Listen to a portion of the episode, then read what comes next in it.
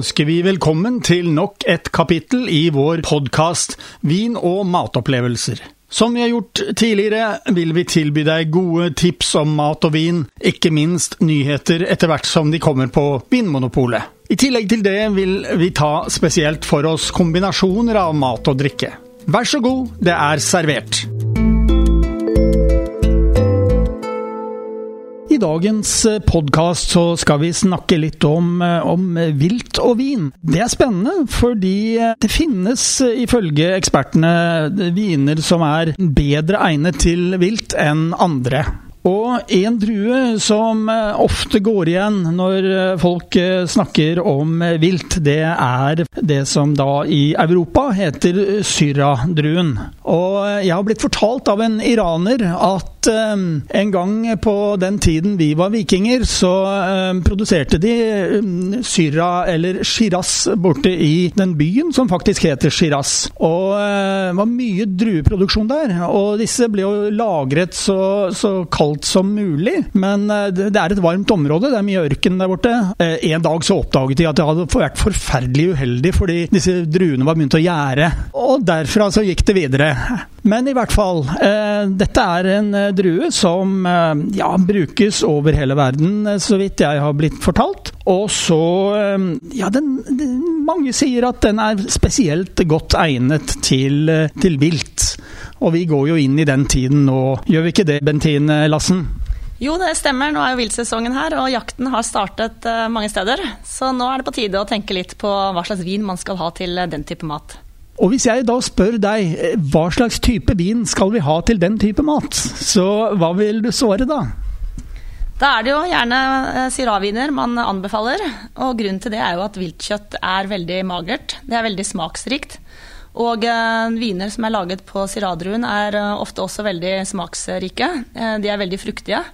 Eh, og de har ganske moderate tanniner, hvilket er viktig, fordi med et viltkjøtt som er veldig magert, så hvis man da har tanninrike viner, så kan det tørre ut veldig mye. Så derfor egner det seg ikke med de mest tanninrike vinene. Og med en syravin så har man en fylde som balanserer viltsmaken, og man har fruktigheten som gir det magre kjøttet ekstra saftighet. Ja, jeg har blitt fortalt at uh, har du masse garvestoffer i uh, vinene, så passer det veldig godt til fet mat. Uh, fordi på en eller annen måte så hamler garvestoffene opp med fettet. Ja, det stemmer jo. Det renser liksom litt opp eh, i forhold til alt fettet. Og nå er det jo litt avhengig av hva slags tilbehør man har til viltkjøtt òg. Man kan jo ha fløtesauser som gjør at man kan ha noe mer tanninrike viner.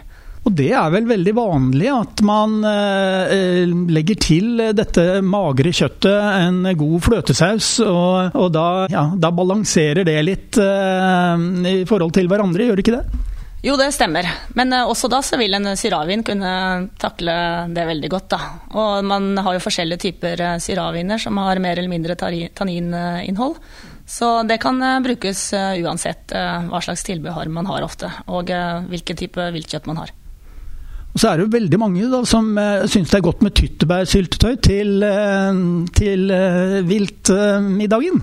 Hvordan ser du på det? Jeg lager selv en, en saus som har mye tyttebær i seg. Uh, mye fløte og mye tyttebær og rødvin. og det passer jo veldig veldig godt til viltkjøtt. Og da igjen så er jo fruktigheten i syravinen veldig egnet som, som match til det. For mange sier at eh, tyttebærsyltetøy sammen med vin, det er en vindødare. Men det du eh, kanskje er inne på da, det er at jo mer fruktighet det er i vinen, jo bedre kan det gå? Ja, det vil hjelpe, men selvfølgelig tyttebær er jo ikke det enkleste å matche. Men den ene sausen jeg f.eks. lager, så er det jo en del uh, sukker i sausen også. For jeg bruker uh, rørte tyttebær. Så da får du den sødmen i sausen også, som gjør seg veldig godt både med vinen og med, med viltkjøttet. Så hvis vi da, før vi går videre, skal oppsummere uh, hva vi bør se etter i en god viltvin, så var det at det være, bør være en kraftig vin. Mye smak. Det bør um, være en um, vin med ikke for mye garvestoffer. Og så var det tredje du sa? At en, frukt, en fruktig vin med en del bærpreg. Og fruktige viner, det er jo ofte unge viner, da. Jo eldre en vin eh, er, altså at den har ligget og lagret på et eh, eikefat eller noe tilsvarende, så forsvinner vel fruktigheten.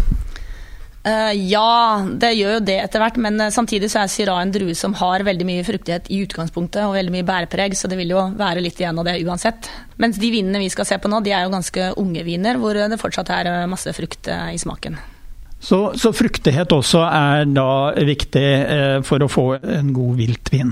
Og som nevnt innledningsvis, så var det jo eh, en drue som er plantet over hele verden. Men eh, det er jo et eh, bestemt område i Frankrike, Råndalen, hvor eh, de har vært spesielt heldige med vinene av denne druen, er det ikke så? Jo, Ron er eh, det klassiske området for Syrah-druen. De dyrker det både i Sør-Ron og Nord-Ron. Der finner man mange viner både fra enkelte vinmarker, som gjerne er fra nord i Ron, og Cotte Ron-viner, som ofte er fra hele Rondalen. Og da har du eh, trukket fram eh, for meg eh, to viner som du godt kan foreslå til, som, en, som en viltvin. Hvis jeg forstår symbolene på disse to vinene godt, så er den ene er anbefalt til småvilt. Og, og hva er småvilt? Det er jo bl.a. rype, men storvilt er jo større dyr som elg og rein og hjort. Og Den første vi eh, tenkte å foreslå, det er en Tavernello Syrra 2019. Altså den har fått to år bak seg snart. Og det er en 100% Syra. Den, eh, fordi eh, det er ofte man blander denne druen med andre druer, men dette er en 100% Syra. Men den er ikke fra Rom. Nei, denne er fra Sicilia. Uh, Sicilia har også seilet frem som uh, en produsent av syraviner, og det har de hatt ganske mye suksess med. Dette er en økologisk produsert vin. den er som du sa fra 2019, så den er ung og fruktig, og har veldig moderate tanniner, så den egner seg godt til viltkjøtt. I og med at den har uh, lite garvestoffer, eh, så uh, vil jeg kunne tenke meg at det er en ganske grei drikkevin også. Altså, ikke, den krever ikke mye av deg når du tar den i glasset og inn i munnen. Nei da, det er en vin du fint kan drikke uten mat også, foran peisen når du skal kose deg. Det er en ung vin, sa du, så den har mye fruktighet, da? Ja, det har den og lite garvestoffer, sa du. Så koster den da, eh, ja, la oss si 110 kroner. Det er eh, lite i dagens eh, vinbilde, fordi den har da 13% alkohol. Og så av de 110 kronene, så er det faktisk ganske mye av det som er alkoholavgiften. Du får den i bestillingsutvalget. Og den kan foruten småvilt, da, så er det greit til lam og til storfekjøtt. Da har vi en annen som eh, også finnes da på Vinmonopolet, på bestillingsutvalget den også. Det er eh, Delas-brødrene, eh, Delas Frère, som lager denne.